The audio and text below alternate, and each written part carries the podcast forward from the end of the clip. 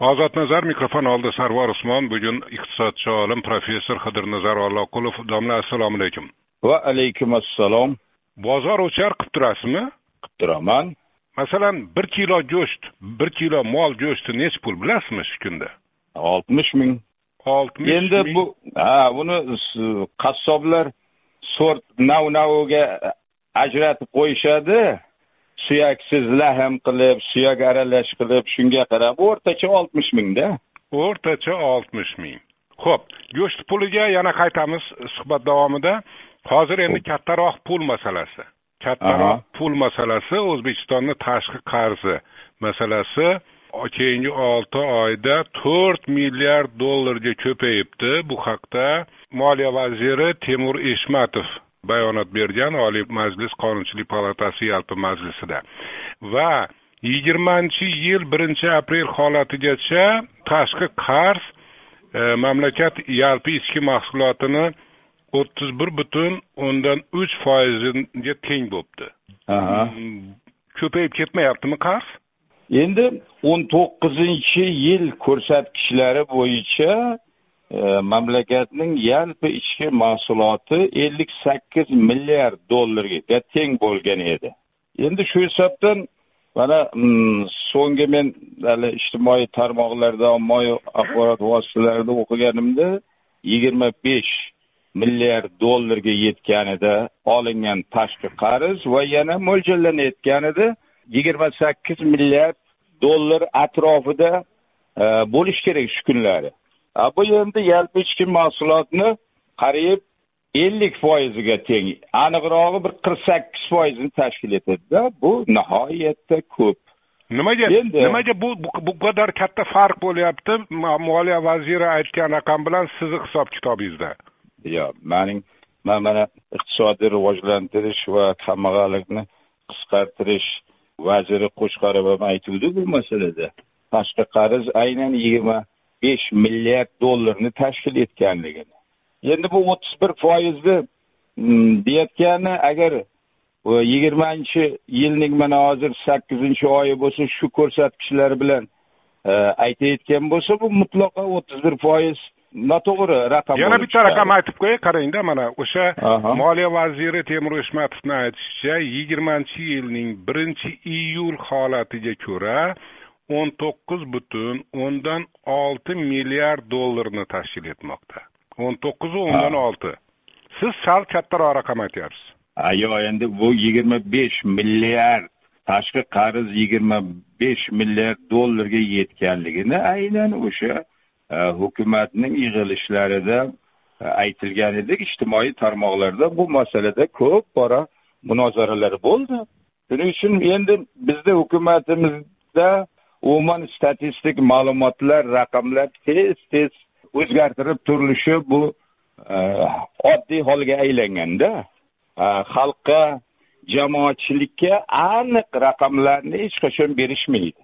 Ana o'shaning uchun go u raqamni keltirishadi go bu raqamni keltirishadi. Mana oltin sotish bo'yicha o'zbekiston dunyoda birinchi o'ringa chiqqan.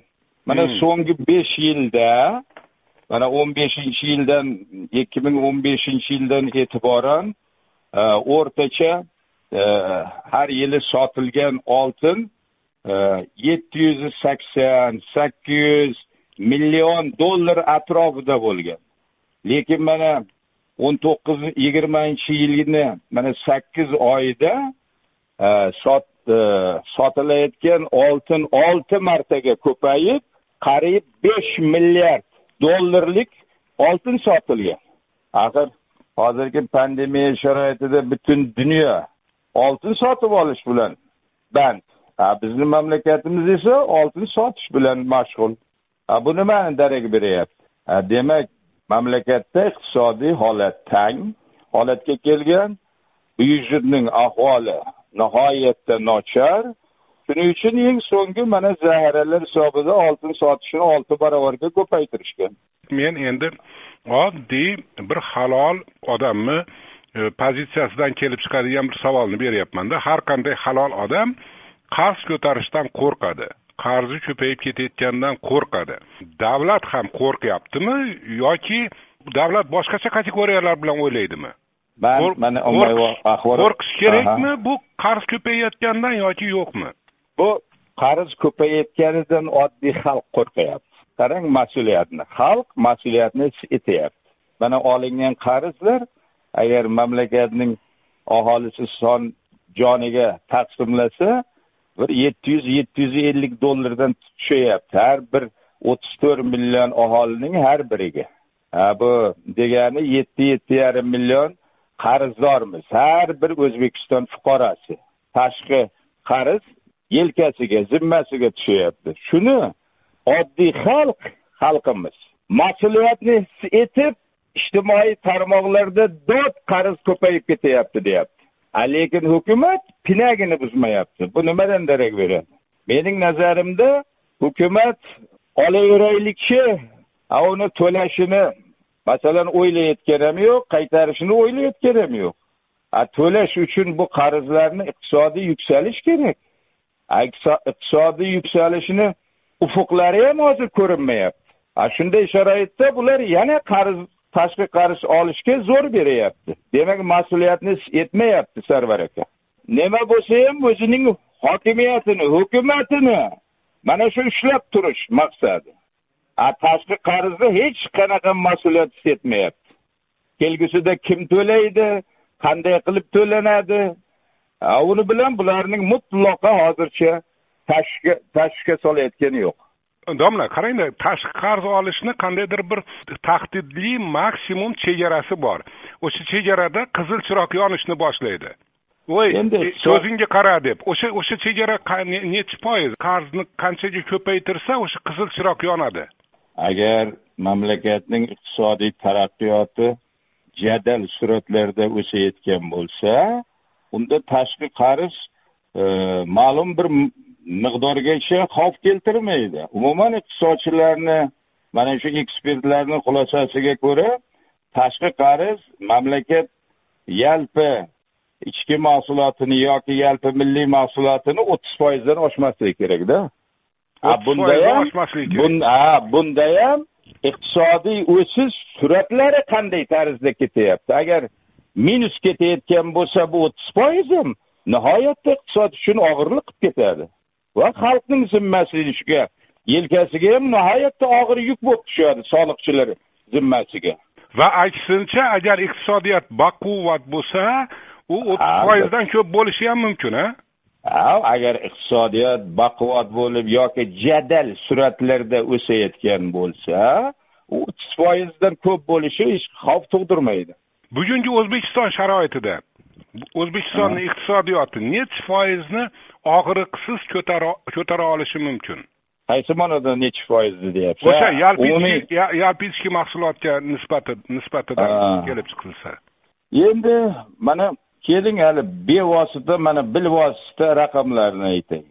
So'nggi to'rt yil ichida mana sizlar ham shu masalada alohida e'tibor qaratib yozyapsizlar jon boshiga to'g'ri keladigan yalpi milliy daromad muttasil tushib boryapti muttasil va keskin. Mana e, bundan to'rt yil oldin e, birga nisbatan e, jon boshiga sakkiz yuz oltmish dollarga kamaydi. Yalpi milliy daromad bu degani nimani darak beradi? Iqtisodning ahvoli tushib boryapti.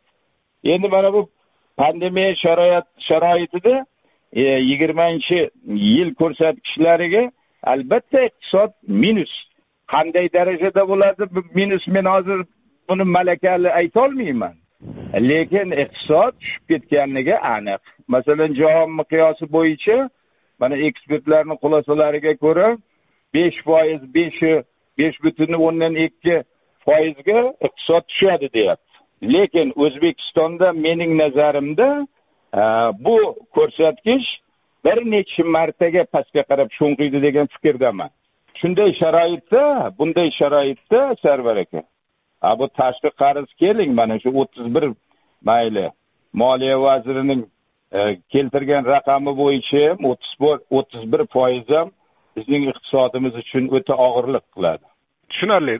Domla keling boshqa mavzu. Qarang. Mehr shafqat va salomatlik jamoat jamg'armasi direktori va xodimlari ikki milliard sakkiz yuz million so'mni talon taroj qilgani aniqlandi deb bosh prokuraturaga tayanib mahalliy nashrlar xabar qilyapti. Endi bu xabardan ikki xil xulosa chiqarish mumkin. Korrupsiya shunday jamoat jamg'armalari darajasiga ham yetibdi. Ikki milliard sakkiz yuz million so'mni yeb qo'yishibdi. Voy dod deyish ham mumkin aytsincha bosh prokuratura tunu kun uxlamasdan o'g'rilarni ushlayapti. Barakalla deb xulosa qilish ham mumkin. Qaysi biri sizga yaqinroq? Inson tanasi uni hujayralardan iborat. Shundayin agar jamiyatni biz ijtimoiy tana desak shu ijtimoiy tananing barcha hujayralari korrupsiya bilan zaharlanib bo'lgan.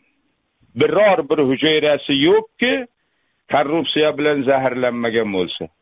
Shuning uchun nafaqat e, bu korrupsiya jamiyatning barcha tarmoqlari sohalari va eng qo'yi bug'unidan tortib eng oliy darajadagi idoralargacha korrupsiya e, shunaqa avj olib rivojlanib ketganki buni bitta ayrim olingan bir tarmoqdagi yoki bir sohadagi yoki siz aytayotganday mana mehr shafqat jamg'armasidagi talon torojliklarni aytgan bilan korrupsiya muammosini hal qilib bo'lmaydi. Manimcha prokuratura va boshqa kuch tuzilmalari mana biz korrupsiyaga qarshi kurashyapmiz deb o'zini bir namoyon qilib ko'rsatish uchun shunchaqa e, maishiy darajadagi o'rta darajadagi ayrim holatlarni vaqti vaqti bilan mana shunday ochib turishadi va biz kurashyapmiz deb turishadi ikki milliard sakkiz yuz million mayda pulmi? Yo'q bu mayda pul emas. Bizning o'zbekiston uchun Э, agar aholi jon boshiga to'g'ri kelayotgan yalpi e, milliy daromad bir ming sakkiz yuz dollarni tashkil etayotganligi inobatga olsak bu nihoyatda katta summa biz uchun. Summa emas. o'sha katta o'g'irlikni fosh qilibdi bosh prokuratura nima uchun endi rahmat aytmasligimiz kerak? Yo'q yo'q yo'q bu bu bunday kurashlar bu qo'llab quvvatlaymiz bunday kurashlarni kuchaytirish kerak. Lekin ayrim olingan bitta soha tarmoqlaridagi korrupsiyaga vaqti vaqti bilan mana bunday fosh etib turish orqali jamiyatdagi korrupsiya muammosini hal qilib bo'lmaydi. Korrupsiyani jilovlashning imkoni yo'q demoqchimanda men korrupsiyani bartaraf etish uchun korrupsiyaning ildizi o'zi mana shu siyosiy tizimda. Korrupsiyani jilovlash uchun mavjud siyosiy tizimni tag tagidan e, almashtirish kerak. Aks holda korrupsiya e, qanchalik kurashmasin korrupsiya avj olib boraveradi mening nazarimda. Juda katta siyosiy mavzuni boshlab qo'ydingiz. Keling shu yerda to'xtataylikda boshqa boshqa mavzuga o'taylik chunki chunki oxiri oxiriga chiqish qiyin ekan bu mavzuni. Endi qarang universitetni sobiq rektorisiz shu kunlarda kirish imtihonlarini olishga butun mamlakat tayyorlanyapti. Abituriyentlar imtihonlarni topshirishga tayyorlanyapti. Bu yil sal o'zgacharoq o'tyapti. Bilasiz o'sha stadionda o'n ikki kun ikki smenadan bir joy ba'zilar aytyapti uch smenadan siz sobiq rektor sifatida shu bu yilgi kirish imtihonlarini uyushtirilishiga e'tibor berayotgan bo'lsangiz kerak. Nimalari albatta. nimalariga e'tibor beryapsiz? Endi bu hozirgi vaqtda mana stadionlarga olish masofani saqlash jihatidan e, mana bu karantin qoidalari nuqtai nazaridan talablari nuqtai nazaridan o'rinli deb hisoblayman. Lekin buni nihoyatda to'g'ri tashkil qilish kerak o'sha e, test topshiruvchilar u yerda uch to'rt soat o'tirishadi. E, o'sha test kuni ob havo qanaqa bo'lishini aniq aytish mushkul masala. Shunday sharoitda yanada qulaylik sharoit yaratib o'sha abituriyentlar o'tiradigan tepani soyabonlar bilan to'sish kerakda. Ana o'shanda e, o'sha mana karantin qoidalaridan talablaridan kelib chiqib hozir stadionlarga yoki yirik mm, sport inshootlarida o'tkazilayotgan holatlarni men o'rinli deb hisoblayman. Har yili o'sha kirish imtihonini uyushtirish o'tkazish masalasi qandaydir global muammoga global tadbirga aylanib ketadi. Butun mamlakat butun xavfsizlik xizmati tizimi militsiya davlat xavfsizlik xizmati hayot mamot masalasidekda butun mamlakat uchun. Shu kirish imtihonlarini formatini o'zgartirish vaqti kelmadimi? Endi bu o'sha test vaqtiga kelib bunday nihoyatda davlat darajasidagi muhim bir kompaniyaga aylanib ketishini boisi bu uzoq yillar abituriyentlarni talabalikka qabul qilishda biznes bo'lib keldida.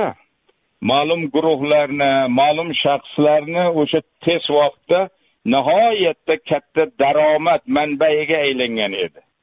Ayniqsa bizni mana shu to'qson yettinchi yildan mm, boshlab test sinovlari kiritilgan bo'lsa e, bu abituriyentlarni talabalikka qabul qilishda ikki tomonlama uning ularning ota onalaridan pulni shilib olish hodisasi bo'lib keldi. Bir tomondan kontraktga qabul qiladi davlatga to'laydi kontrakt pullarini. Ikkinchi tomondan o'sha test vaqtida abituriyentlarni ma'lum bir guruhlarga ajratib ma'lum bir bunkerlar yaratib ularga mana shu test e, savollarini yechib yetkazib berish orqali mana shunday guruhlar tashkil topdiki korrupsion guruhlar. Va bular o'zlarining cho'ntaklariga ishlab kelishdi. Shuning uchun abituriyentlarning ota onalari ikki tomonlama talanib keldi. Bir tomondan davlatga kontrakt pullari to'ladi. Ikkinchi tomondan ularning o'g'il qizlarini talabalikka aylantirishda yordam berayotgan shaxslarga pulini berib keldi. Bunaqa endi shu kunda ham bo'lyaptida shu to'g'rimi? Yo'q bo'lmayaptimi hozir? yo'q yo'q yo'q bu so'nggi yillarda bunday auditoriyalarda mana auditoriyalarda yigirma o'ttiz kishilik gruppa gruppa qilib olinardi. Hozirgi mana so'nggi bir necha yilda yirik sport zallarida mana bu yil stadionlarda o'tkazish orqali bu narsaga juda ancha muncha chek qo'yildi. Chek qo'yildi. Buni tan olish kerak. Lekin umuman ta'lim sohamiz umuman o'rta maktabidan boshlang'ich ta'limdan boshlab to ayniqsa oliy ta'lim tizimida kadrlarni tayyorlash shunchalik darajada korrupsiyalashib ketdiki oqibatda bizning millatimiz mana shunday bir ma'naviy inqiroz darajasiga kelib qoldi kadrlarni mana shu testdan ma'lum guruhlarni homiyligida talabalikka talaba bo'lganlar oliy o'quv yurtlarini bitirgandan keyin o'sha joylarda e, o'qituvchi qilib qoldirildi. Bugungi kunda oliy ta'lim muassasalarini mana shu ilmiy salohiyati shu darajada nocharki oqibatda biz nafaqat jahon mehnat bozorida raqobatbardosh kadrlarni mutlaq tayyorlay olmayapmiz umuman mamlakatimizni ichkarisida ham bir tayinli malakali kadrlar yetishtirib chiqara olmayapmiz. Bu tushunarli yana juda katta mavzuni boshlayapsiz. Men yana o'sha test sinovlariga qaytib bormoqchiman sizni. Demak kirish imtihonlarini e, uyushtirishni shu kundagi formati demak sizni qoniqtiradi endi hozirgi e, o'sha mana e, karantin talablaridan kelib chiqib o'sha stadionlarda ochiq havolarda masofalarni bir abituriyentdan ikkinchi abituriyentni masofasi saqlangan holda olayotganligi bu o'rinlida stadionda olishi bu shakl xolos. Men mazmunni so'rayapman mazmunni. Shu avgustni oxirida kirish imtihonlarini o'tkazib qabul qilish va hokazo masalani aytyapman. Prinsipda chunki chunki chunki oliy o'quv yurtiga qabul qilishni oliy o'quv yurtiga tanlashni boshqa formatlari ham borda boshqa mamlakatlarda. Shundan shundan shuning uchun so'rayapman sizdan. Albatta oliy avvalo oliy ta'lim tizimini ham boshqa sohalar kabi mutlaq o'sha bu korrupsiyadan xoli qilish kerakda. Boshqa mana rivojlangan mamlakatlar kabi taraqqiy etayotgan mamlakatlar kabi talabalarni mana bu oliy o'quv yurtlariga qabul qilish huquqini har bir ta'lim muassasasini o'ziga berish kerak degan fikrdaman men. Hozir shunday emas a o'zbekistonda Hozir bunday emas. Hozir unday emas. Lekin ayrim xususiy oliy ta'lim muassasalari shunday huquqqa ega. Mana yangidan endi tashkil topayotgan e, yoki bundan bir necha yil oldin tashkil topgan oliy ta'lim muassasalari shunday o'zlari e, o'zlari o'zlari ichki qoidalarini e, ishlab chiqib o'zlari qabul qilyapti. Shuni butun davlat oliy ta'lim muassasalariga ham joriy etish kerak degan fikrdaman buning uchun avvalo ikkita og'ir masala bor. Birinchidan bu oliy ta'lim muassasalari korrupsiyadan xoli bo'lishi kerak. Ikkinchidan har bir oliy ta'lim muassasasidagi professor o'qituvchilarning bir ilmiy salohiyati nochor holatda.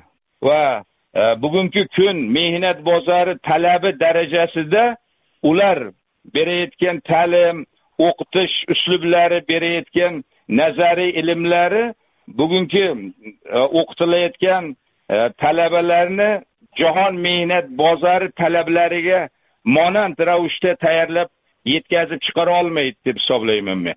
Tushundim. Tushundim keling endi suhbatimiz boshidagi o'sha go'shtga qaytaylik siz aytdingiz shu kunda e, o'rtacha oltmish ming so'mdan bir kilo mol go'shti dedingiz bugungi xabar andijonda tashkil qilingan savdo yarmarkalarida bir kilo mol go'shti qirq besh ming qirq sakkiz ming so'mdan qirq beshdan qirq sakkizgacha tovuq go'shti o'n sakkiz ming so'm tuxum olti yuz ellik so'm piyoz bir ming besh yuz so'm kartoshka uch ming so'm guruch yetti yarim ming so'mdan to'qqiz ming so'mgacha sotilyapti ekan siz e, go'sht e, siz aytgandan mana o'n ikki ming o'n besh ming so'mga arzon. Endi hech kimga sir emas nafaqat andijonda mamlakatni boshqa e, viloyatlarda boshqa shaharlarda ham xususan toshkentda ayniqsa shunday savdo yarmarkalari tashkil qilinadi e, mahsulotlar arzon sotiladi va bu albatta xalq uchun yaxshi. Lekin shu arzonchilik nimani evaziga bo'ladi bilasizmi endi bu arzonchilik mavsumiy vaqtinchalik mana mustaqillik bayrami e, kelib turibdi.